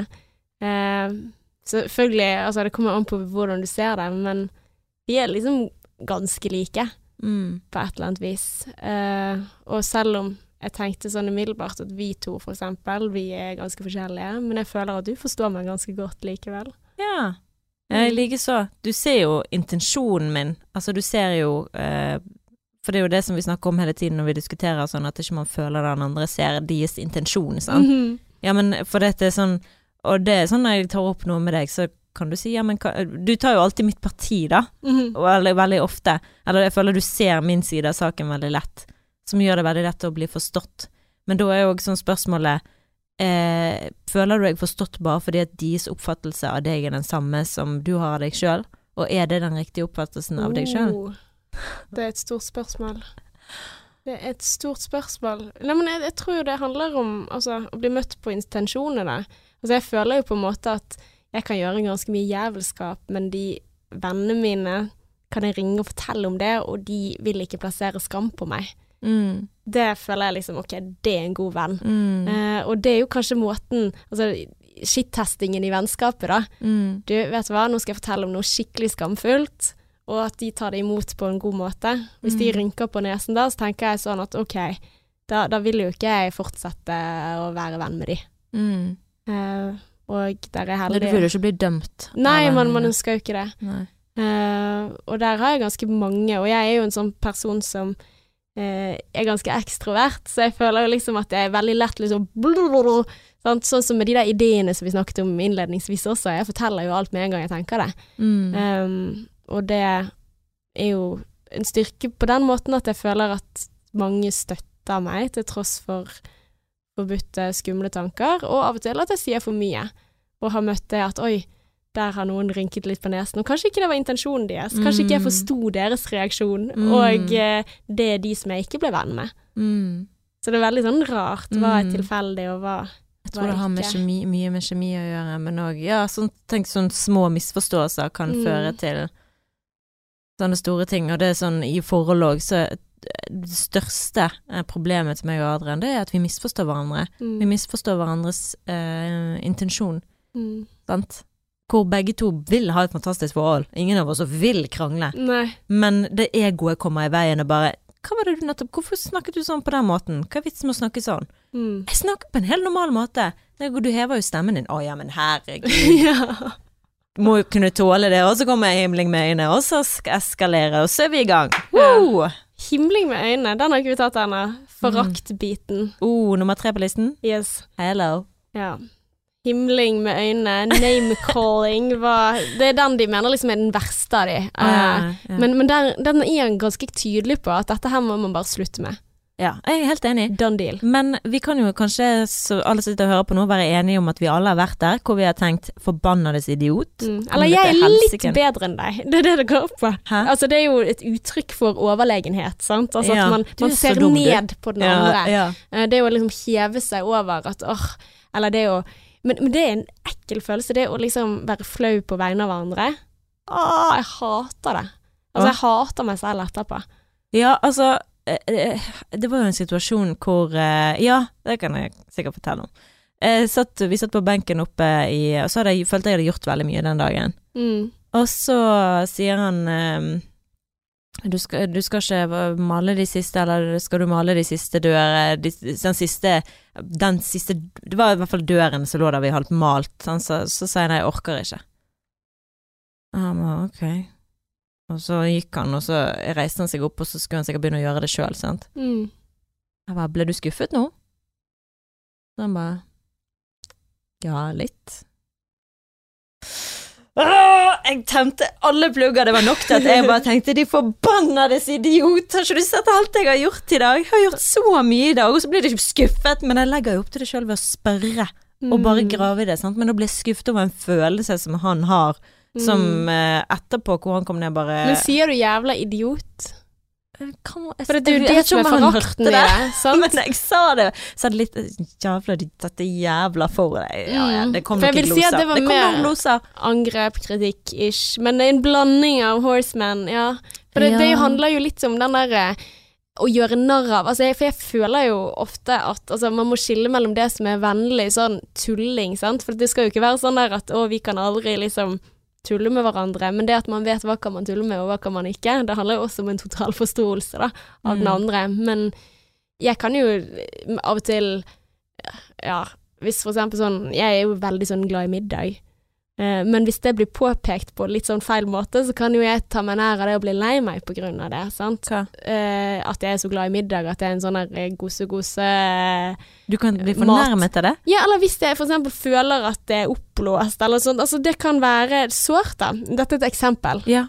For eksempel. Altså, det kommer an på Men hva er det han har sagt som du har blitt uh... Han har ikke sagt noen ting på det, men, men det er liksom en sånn ting som hvis man eh, i ett humør, så kan det være søt tulling. I et annet eh, øyeblikk så kan det føles som en sånn eh, gjør du narr av meg? Ja, men, hva, men hva var eksempelet? Hva var Hvis man eksempel påpeker noe som egentlig er søtt, og så blir man, oppfatter man det som eh, en ja, en forakt. Altså, det kommer jo an på hvordan den andre opp, opplever det. Jeg bare sier at noen ting som kan være en sånn å, herregud, du er alltid sånn, sant? Så kan være en morsom greie som man har. Ja, det er jeg, he-he-he. Mhm. Sant? Som det ikke oppleves som en forakthandling, men, men som en sånn fin gest, da. Men at man kan Det kommer an på hvor nærtagen den andre er, da. Mm. Og av og til så kan jeg føle meg nærtagen på humor som jeg egentlig ikke eh, Ja, som jeg burde tatt av, for eksempel at jeg er en sånn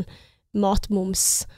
Som Ja, jeg kan kjenne at eh, ja, det var ikke helt greit i dag. Men det føles ikke som forakt, da. Nei. Nei. Så det er veldig sånn Det kommer, kommer an på. Uh, ja. Så man må jo ikke slutte å tulle, men man må slutte å tenke at man er overlegen, og derfor gjøre det. Nei, ja, men altså, eh, forakt Det er jo veldig mye mer dramatisk enn en matmoms. Da er det mer Ja, ja. sånn din forbannedes Ja, eller du, din bitch. Ja. Ja. Slutt, din heks. Ja. ja. Au. Vondt at jeg sa. Har dere vært der? Eh, nei, jeg har aldri kalt han heks, heldigvis. Nei. Ja. Men uh... Jeg føler liksom ikke at dere er sånn For det som er med meg og Jeg føler dere er litt sånn runde, litt mer rundere, du og kjæresten din. Litt sånn rund i kantene. Nei, men jeg føler vi er over den eh, fasen med Ja, mye krangling. Jeg Ja, men Dere har vært der med frakt. Ja, eller ikke med forakt. Eller jo, det kan godt hende at jeg har Altså, i faser hvor det har vært Altså, hvis det har vært dårlig Altså, vi har hatt sånne faser i løpet av forholdet hvor det har vært snakk om være, ikke være. Og da handler det om at ok, hvis det har vært i en periode hvor man ikke har forståelse eller noen ting, og vært på veldig forskjellige måter, så kan man liksom eh, dyrke den der at den andre er eh, ja, mindre enn deg.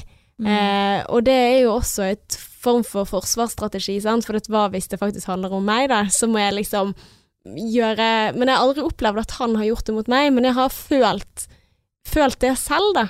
Um, nå er jeg veldig ærlig her, men det, det handler jo om at jeg har følt meg veldig, veldig liten, Mm. og så er det en måte å liksom blåse seg opp igjen, sant, og, og være Å nedvurdere den andre i faser hvor ting har vært veldig, veldig trått. Men det, det er helt jævlig. Mm.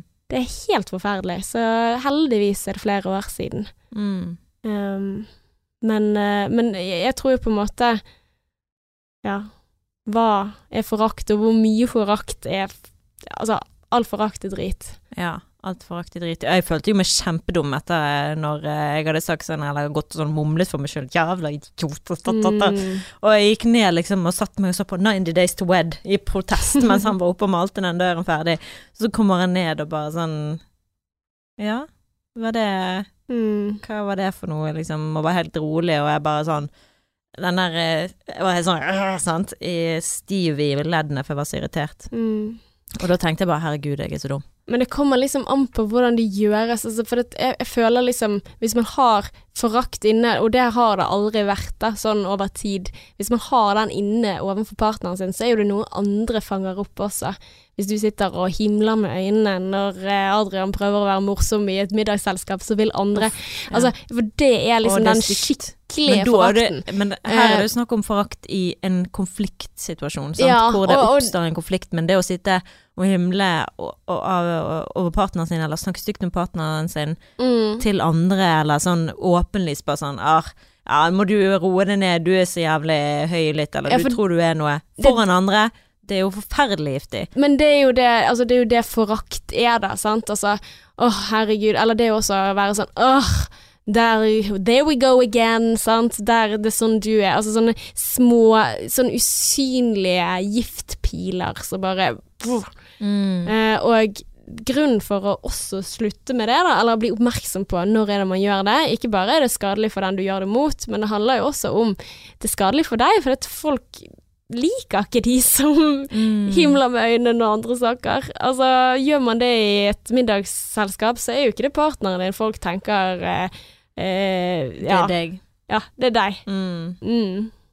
Så um, ja, det handler om å bli oppmerksom. Mm. Men hva med stonewalling, da? Siste, ja. Nei, den er jeg litt uh, usikker på, for det var den vi snakket om i sted, sant? hvor jeg følte ja, men altså når jeg har vært sur, så kan jeg bare Men hvis han uh, Men ja, føler du deg sånn flooded, altså overveldet psykisk uh... Jeg tror jeg bare føler meg så sint at jeg ikke har lyst til å Sånn som dere nå, sånn holde meg i, ville holde meg i hånden ta frem hånden, og så legger jeg jo hånden min der, men jeg er jo liksom ikke interessert i å holde han i hånden. nei. Men jeg vet ikke om det er stonewalling.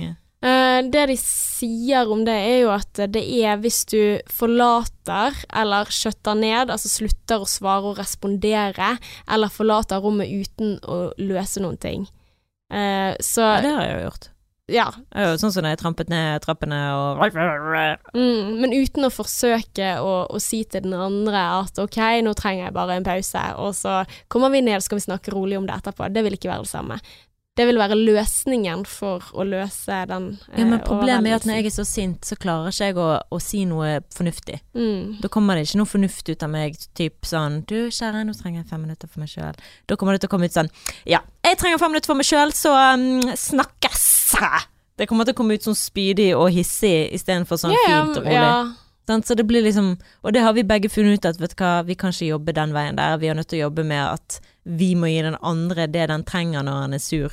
For det, vi vet begge to at det kommer til å komme tider hvor han er i dårlig humør for et eller annet, Mm, og jeg er det. Mm, Og vi er veldig dårlige på å være fornuftige når vi er i dårlig humør. ja. Og det er vi, vi- alle. Ja, og Ja. da må jeg være det hans Ok, nå er han i dårlig humør, jeg er ikke. Mm. Så da kan jeg være hans på en måte luftmadrass, eller liksom prøve å backe han opp så godt som mulig, da. Mm. Uh, for da er det mye lettere for meg, for jeg er i godt humør, så det er mye lettere for meg å da å prøve å redde inn, eller å, å være der for han, da. Mm. Og da hvis dere har Altså, det kan jo være den derre nevrosen man har, da, at det får du lov til i dette forholdet her, å storme ut, men hvis det er det som skal til for at du ikke da skal vise forakt, og ikke Mm. liksom eskalere veldig, at det blir et sånt redningsforsøk, at ok, vi er enige om at da har du lov til å forlate rommet uten å si noen ting. Eh, men hvis det ikke er kommunisert, og hvis det er sånn ok, nå har vi denne krangelen, og jeg bare stormer ut, og jeg sier aldri når jeg kommer tilbake igjen. Det, det kan jo Mm. Det jo oppleves veldig som dramatisk, veldig overveldende for den andre, Mm. og veldig altså avfryst, sant. Altså Tenk så mange problemer vi har Avvist. nå i forhold til Altså, vi hadde, vi de hadde sikkert de samme problemene, men det, ble, det var liksom bare sånn. Jeg tenker på før i tiden, med folk som var gift. Jeg tror ikke du de kranglet, eller Jo, men jeg tror det godtok, de godtok mye mer. Tror du det? Ja. Eh, Skilsmissestatistikken, hello.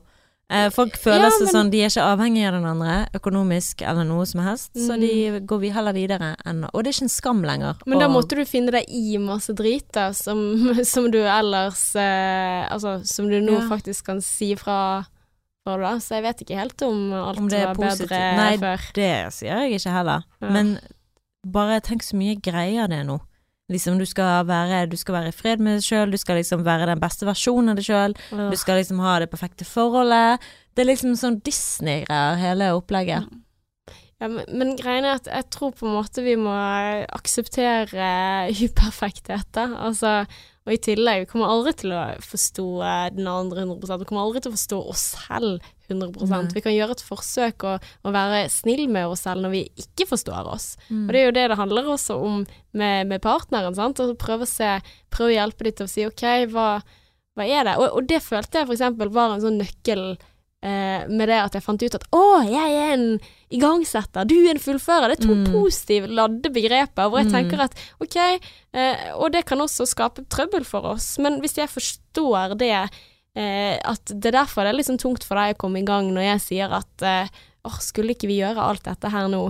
Og også at jeg kan få en Og kanskje jeg ikke får den kjeften når jeg ikke har tørket av den der eh, benken. Mm. Kan godt hende at å ja, ja, for Ella hun er jo sånn. Å ja, ok, At du får en positiv assosiasjon istedenfor sånn du gjør aldri ferdig ting. Så kan mm. det heller være sånn du setter alltid i gang ting.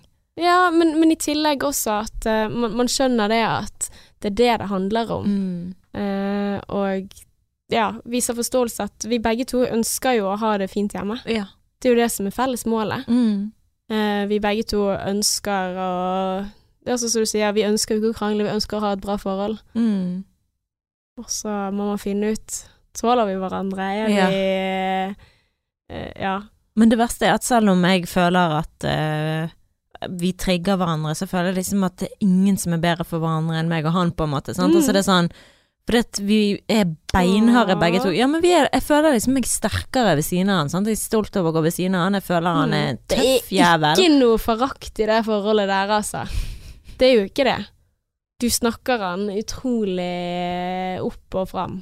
Så Ja. det er Men ikke han er jo steikebra. Det er jo bare det at jeg kan Det er sånn irrasjonell forakt, da. mm. Så det er ikke noe sånn at jeg kan Affektforakt. Affektforakt. Sant? En jævla idiot, sant. Men det ligger ikke noe Meg bak der som kommer og viser fing.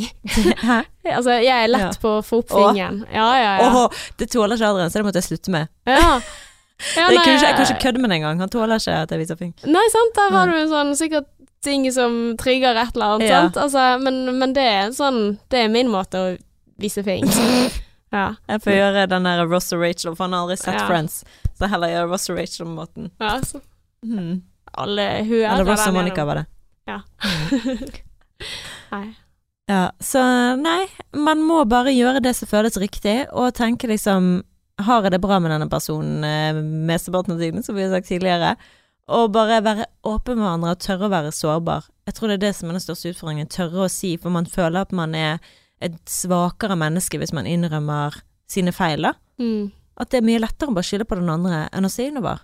Ja. Og hvis du blir flinkere til å se innover og servere det til den andre, så aner du ikke hvor stor du blir i deres øyne. Altså Mm. Adrian sine øyne lyser opp når jeg kan liksom reflektere etterpå da, og si vet du hva, jeg skjønner veldig godt at du ser det, for jeg oppfatter meg sånn og sånn i den situasjonen, og det skjønner jeg ikke tiltrekkende for fem flate øre. Mm. Ta ansvar. Og ta ansvar.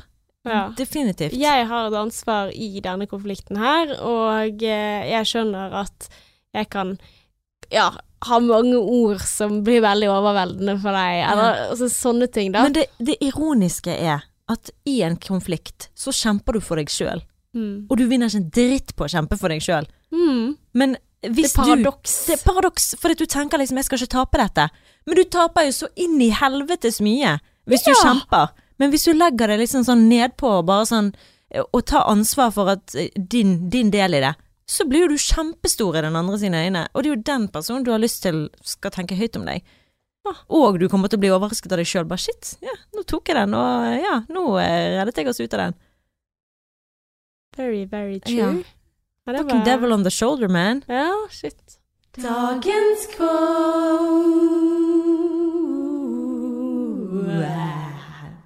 Da er det på tide med dagens quote, eller på tampen av det hele. For nå har vi hatt en lang episode, Oh yes. men det er ikke det ofte vi har. I hvert fall ikke så lang, så det får bare vi får, De som vil høre, vil høre. Sant? Så får det bare bære, bryste og bære. Ikke sant. Dagens quote er laget av Adrian og undertegnede. Oh. Vi satt på HM gård på terrassen her og delte en flaske vin, og så satt vi og tenkte og reflekterte og sånn, og så kom vi på et quote sammen. Oi. Ja. Ok, kjør på. Et, et, altså, dere har laget deres uh, bilde på Instagram med en soloppgang og noen greier. Hæ? Nei, jeg bare ser for meg liksom, ja, altså, sånn, ja, ja, ja. Dette her må vi sitere dere på. Men, ja. Ok, jeg har jo da Det er to versjoner av den, så jeg bare leser det jeg har skrevet på notater. mhm. Og du er notatperson, du òg. Yes, I am. Oh yeah. En følelse er ikke alltid rettferdig, fordi det finnes ikke bare én sannhet. Og det relaterer veldig til det vi snakker om i dag, for det finnes så mange sannheter, for det er ikke en sannhet. Det er ikke sånn at jeg har rett og du har galt. Jeg må tygge på den en gang til. Følelser En er, følelse ikke alltid, er ikke alltid rettferdig. ikke alltid rettferdig. Og du føler liksom at dette er urettferdig, hva har jeg gjort for å fortjene dette? Ja. Fordi det finnes ikke bare én sannhet, ja. sant? Det handler om den der forståelsesbiten. Mm. Og at man er forskjellig. Og det er ikke sånn at det jeg sier nå, det jeg kjemper for, det er riktig, og det du kjemper for, er galt. Mm. Det er ikke en sannhet, og Adrian pleier å si det.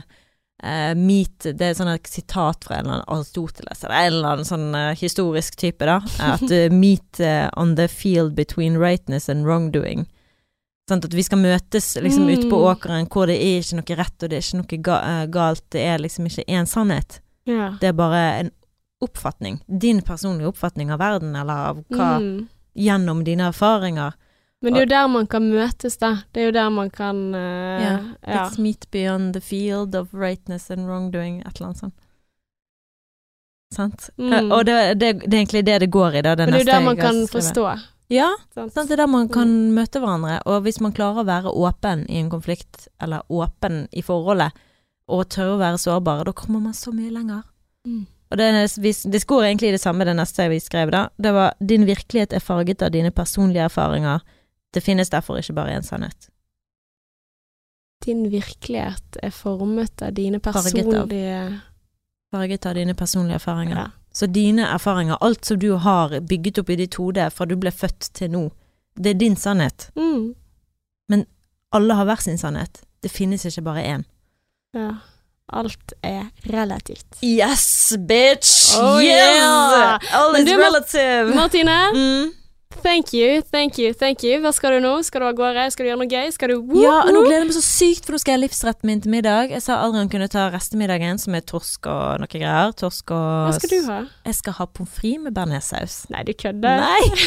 Det er livsretten min. Er det sant? Ja, og hvis jeg har ost hjemme, da er det liksom Da er vi der. Så det er Du som er liksom eh, nummer én sånn eh, ut med oppskrifter på Instagram. Men det er favoritten?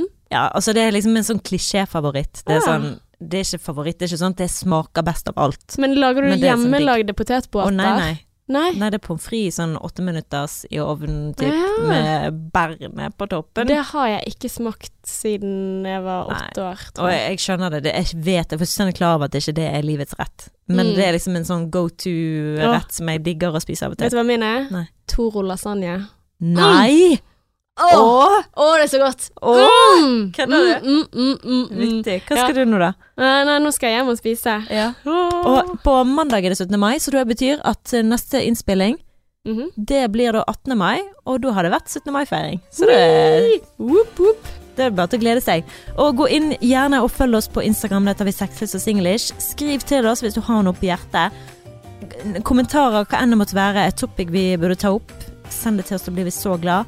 Og så, ja, ses vi der egentlig. Aha. XOXO. Nei, until next time. XOXO.